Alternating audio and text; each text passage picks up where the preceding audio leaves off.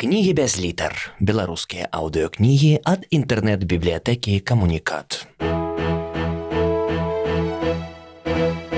Андрей Федоренко. Жетон на метро. Роман. Частка пятая. Лю.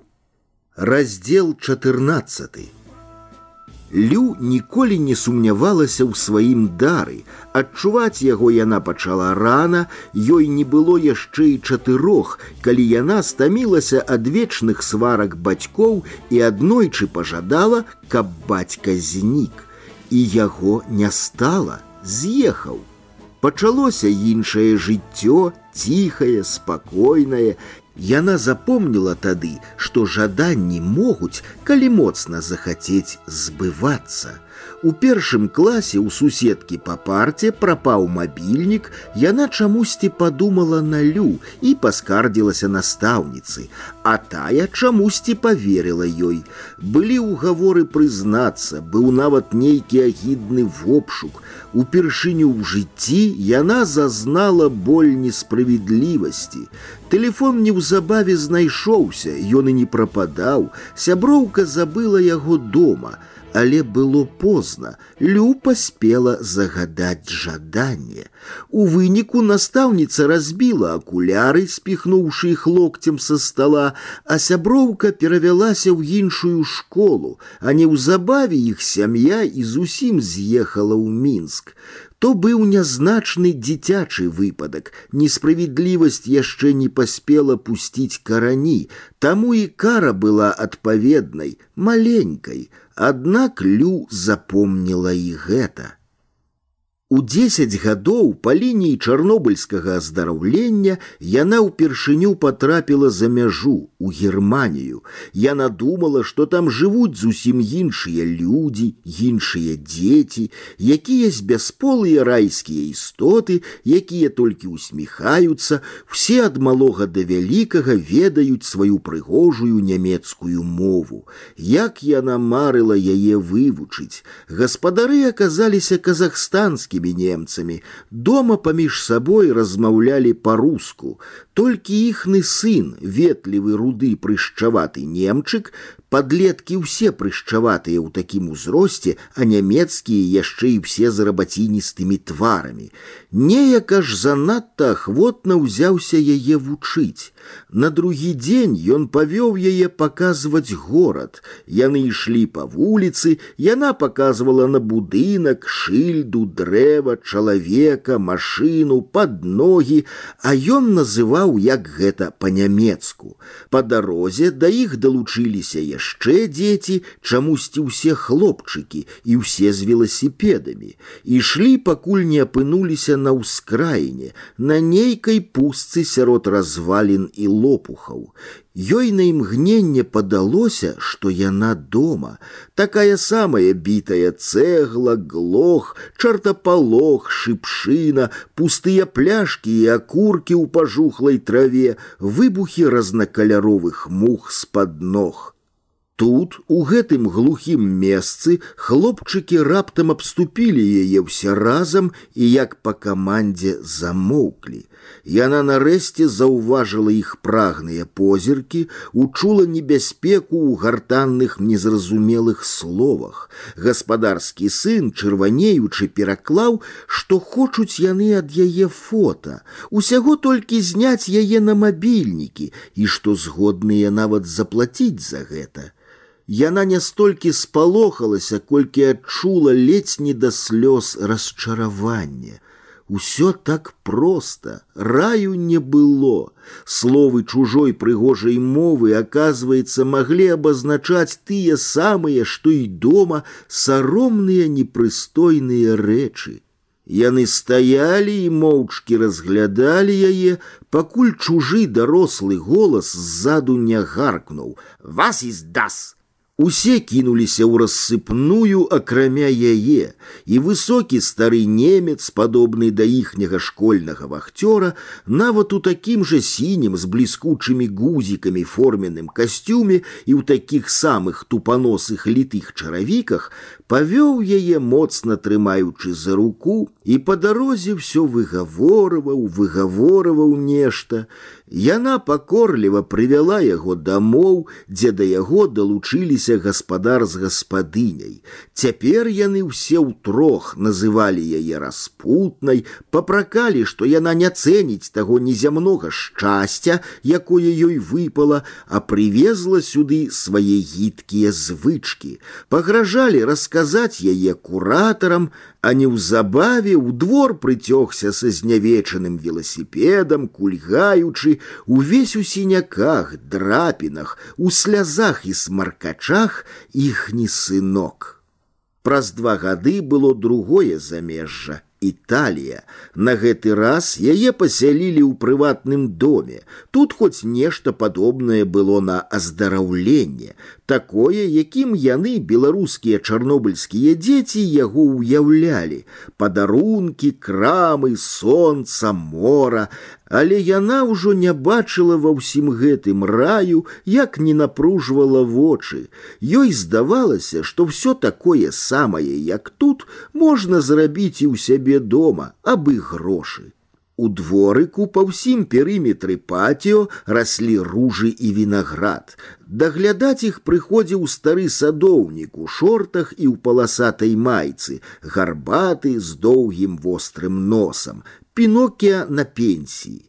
Пару разоў з ім сутыкнуўшыся, яна ўбачыла, што ён пазірае на яе таксама, як і нямецкія хлопчыкі, прагна і ліпка, нават сліна цякла па ніжняй губе. Яна не стала чакаць, калі яе зноў пачнуць вінаваціць у распусце. І назаўтра ў дзень у самы санцапёк стары садоўнік грымнуўся тварам уніз, падмяўшы сабой ружай вінаградную лазу, а неўзабаве ляжаў у чаканні хуткай дапамогі на тапчане ў кутку ля тэрацца. Яго яшчэ больш завостраны нос тырчаў у неба з нямым дакорам, у чорных паўднёвых вачах застыла скруха. Вось тады яна зразумела і сама поверыла ў свой дар, хай і нядобры, прыносіць людзям няшчасце. Гэта так яе напалохала, што дома яна расказала пра ўсё матулі. Тая толькі пасмяялася, Ды у кожнага чалавека кожны дзень ведаеш колькі такіх выпадкаў. Сёння ў краме на касе мяне аблічылі, касірка пайшла пераправяраць і паслізнулася на мокрай падлозе, а калі б упала.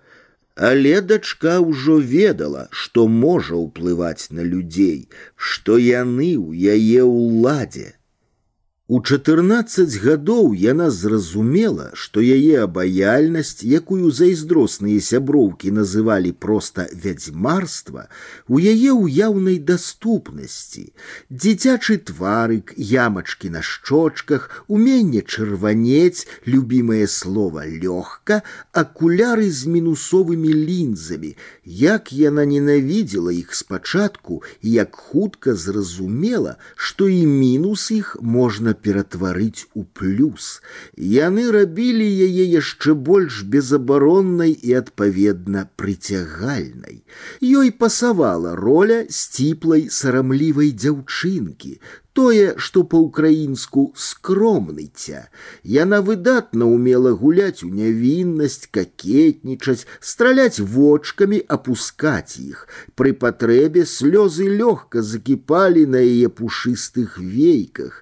І гэтаксама лёгка праз імгненне усмешка асвятляла яе наіўныя зялёныя блізарукія вочы, а дзіцячыя свежыя вусны, здавалася, заўсёды гатовы гатовы былі пацягнуцца да пацалунка. У такі момант любы мужчына, гледзячы на яе, не сумняваўся, што вось яна ўся перад табою, бяры і рабі з ёю, што хочаш. Тады ж у яе з'явіўся сябар з блізкага ельска, старэйшы на 10 гадоў. Некалі вучыўся ў мінску, кінуў вучобу, цяпер нідзе не працаваў, жыў з таго, што вазілі з бацькам у мінск на продаж, гледзячы па сезону, то гуркі, то бульбу, то цыбулю, то клубніцы, то грыбы. Дарослы хлопец, сапраўдны мужчына, быў ён адначасова цынік, рамантык і авантурыст, хаця б таму, што не пабаяўся звязацца з ёю. Да таго гэта быў першы ў жыцці чалавек, які яе ўважліва слухаў, не перабіваў, не смяяўся, падтакваў і як ёй падалося поверыў ёй і яна расстала поплыла і амаль закахалася калі ён прапанаваў у мяне ёсць машина правда дабітая але нас вытрымае давай поедем просто гуляць вандраваць паглядзім свет людзей я давно так марыў Яна з радасцю на гэтую лалітаўскую авантуру згадзілася Кніжка была да таго часу прагна праглынутая. І былі два вар'яцкія тыдні, начоўкі ў матэлях, каўчсёрфінгам у чужых кватэрах, у машыне, каля вогнішча, у палацы, пакуль не апынуліся ў Латвіі, адтуль экстрадыцыя і вяртанне дамоў. Маці тады крычала: « Я страціла дачку.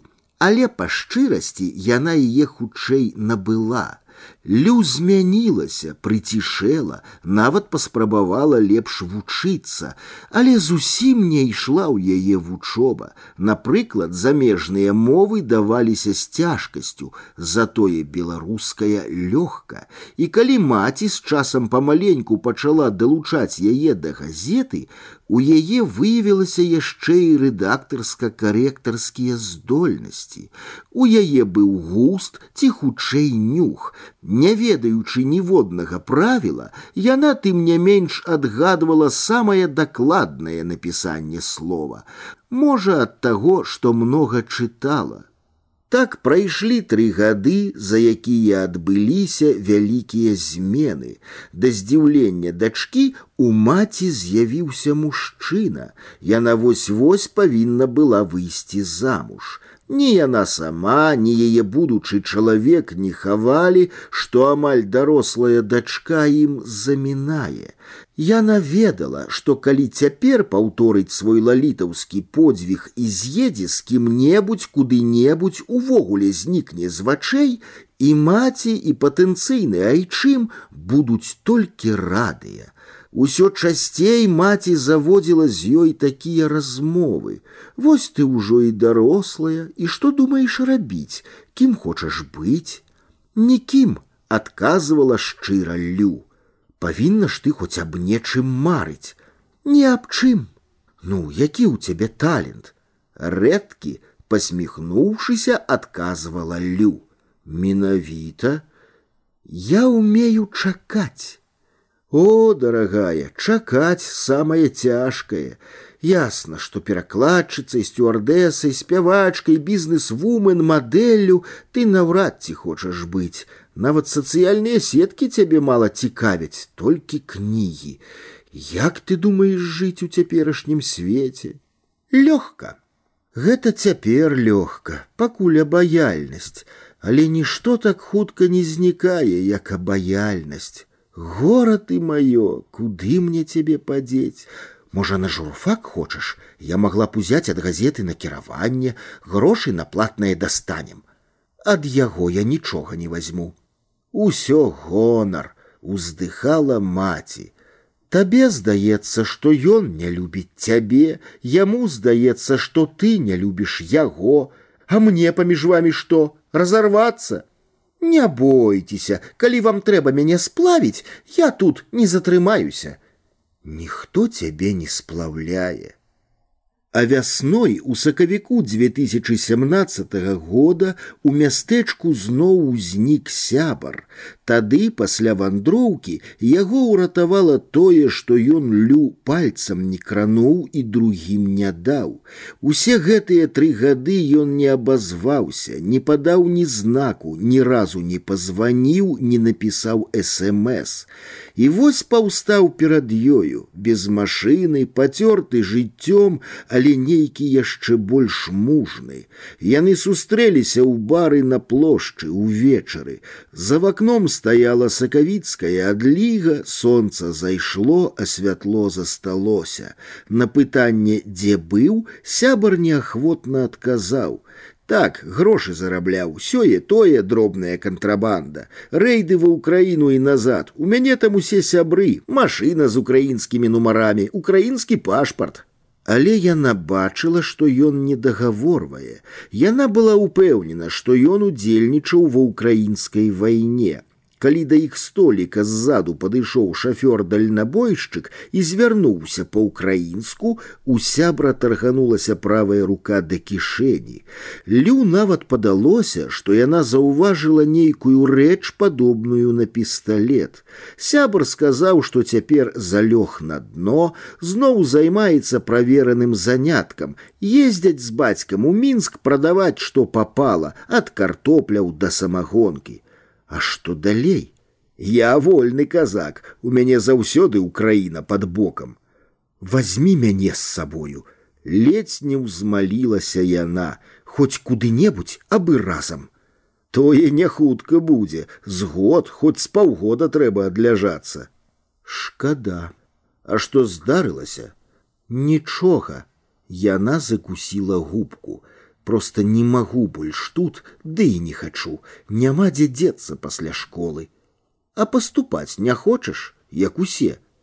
Я не люблю вучыцца и не наберу іхніх ідыёцкіх балаў. Ну, хоть мінімум набярэш, ты ж разумная дзяўчынка, а то я помог, грошы ў мяне ёсць, не хопіць балаў на бюджет, пойдзеш на платнае, я оплачу. Я не люблю вучыцца. Можа і правільна, сказаў ён разважліва нібыта ухвальна але яна заўважыла як яго вочы заблішчэлі знаёмым авантурным бляскам ён нешта абдумываў і матаў на вуз мо ты для іншага створана не для вучобы ды і што такое цяперашняя вучоба наўрад ці рамантыка сяброўства песні каля вогнішча под гітару цяпер гэта тое што і паўсюль тая самая барацьба за існаванне, разборкі, спаборніцтва, хто багацейшы, хто бяднейшы, у каго якія бацькі, хто паспяховы, хто няўдачнік, Дык ці не прасцей адразу ўключыцца ў гэтую барацьбу без аднаго лішняга звяна. Нават калі дапусціць, што ты паступіш, адвучышся і вернешся назад, напрыклад, у раёнку і станеш як твоя маці. Хочаш быць як маці? Не, не хачу, усміхнулася яна. І ён таксама усміхнуўся ў адказ. Ты пахарашэла, а цікава, ты па-ранейшаму можаш уплываць на людзей. Не ведаю, не спрабавала. Ну што ж, калі ты так настроена хоць куды, ён зрабіў выгляд, што задумаўся, а ці не паспрабаваць такі варыянт. Ты ж ведаеш, я год грыз граніць навукі, таму такі разумны. Дык вось мы з бацькам часта ездзім у мінск, і што ты думаеш, аднойчы каля еўраопта налетаем на майго старога выкладчыка, нашага земляка з-пад ельска, па-украінску любіць пагаварыць. Ён пазнаў мяне, я яго узрадаваліся, разгаварыліся. З таго часу возім яму на заказ сала, памідоры салёныя, калі самагонку жытнюю. Ён даўно на пенсіі жыве адзін, жонка памерла, сын загінуў, разбіўся на матацыкле, дачка замужам у Францыі. А гэтай зімою пачаў мне скардзіцца, маўляў, жыву адзін у харомах, нікому не патрэбны, аж сумна, каб хоць хто, хоць якая аферыстка знайшлася. Я адразу пра цябе падумаў. З таго часу, як не прыязджаем, ён усё дапытваецца, знайшоў мне кватарантку. І табе засталося дацярпець да канца школы і выбрацца ў мінск, будзеш вучыцца і жыць у нашага деда. Ён не здагадаўся ў гэты момант паглядзець на яе, але калі б зрабіў гэта, убачыў бы, ад дабрыні яе не засталося і следу. На яе тварыку была разгубленасць, крыўда, нават гнеў. Гэта ўсё, што ты можаш прапанаваць? Яго жыццё ўяўлялася ёй поўным небяспекі, геройства, рызыкоўнай крымінальна-прыцягальнай рамантыкі. І калі б ён павёў яе з сабою, яна кінула б усё і пайшла, а ён прапаноўвае ёй такое. Яна бачыла яго на вылёт, ведаючы, што яна прыносіць няшчасці, ён па сутнасці штурхаў яе на забойства, прытым сам застаючыся чыстым. Я толькі на такое здатная. Лю, не дык не, няма праблемы. Як гэта брыдка, нізка. Лю, просто кватараваць і ўсё, адзінокі дзед жыве. У цябе б не балела галава, што рабіць пасля школы, і мне было б дзе прыткнуцца ў мінску, але не хочаш, не трэба. Больш ён да гэтай тэмы не вяртаўся, толькі пры развітанні сказаў, марудна прыкурваючы цыгарету: « Усё ж падумай, нам наканавана быць разам, я цябе знайду, дзе б ты не была. Страшна, але разам з тым соладка было чуць гэта. Ён па-ранейшаму быў адзіны, хто хоць так ці інакш цікавіўся яе лёсам. У той жа вечар да яе ў пакой зайшла маці. Лю ляжала на канапе на спіне з кніжкаю ў руцэ. Яна зняла акуляры і пацерла пальцам стомленыя вочы. Ведаючы наперод, пра што маці збіраецца казаць, апярэдзіла яе, каб толькі адчапіцца. Добра, я буду поступать на журфак. Можешь брать от газеты накіраванне. Документы сами збяруцца. Пашпарт, атэстат, фото, меддаведка, характарыстыка, заява на месцы. І ты здасі ЦТ, ты нічога не вучыла. Лёгка. А ты ведаеш, што на журфак мала сертыфікатаў ЦТ. Там творчы конкурс у два этапы і ўнутраныя экзамены. Здам як-небудзь. І ўсё ж, калі не дабярэш балаў, пайду на філфак, у любым выпадку сюды не вярнуся. У вачах у маці загарэлася надзея, такой самастойнай, разважлівай яна дачку першы раз бачыла. А жыць дзе прытворна пачала бедаваць яна. І як назло, у людзей хоць хто, а тут нікога, нічога, ні блата, ні свата. Чаму? а свянцецкія у мінску вось піша мне заве лю показала телефон яна таксама будзе паступаць поеду да яе хоць бы ў разведку Гэта толькі што прыйшло лю ў галаву, і яна сама падзівілася, як усё складна атрымліваецца. Са свянцецкай, той самай сяброўкай аднакласніцай, што некалі забыла дома смартфон і наябеднічала на лю, а потым пераехала з сям'ёй у мінск, яны сапраўды зрэдку перапісваліся ў садсетках. Але, канечне, не настолькі яны былі блізкія, каб сяброўка згадзілася прыняць няпрошаную кватарантку. У іх пажыву. Зноў махнула яна тэлефонам. Я ўжо дамовілася, яны згодныя, прынамсі на час экзаменаў, будзем рыхтавацца разам. Адна справа тэлефон, другая жывы чалавек.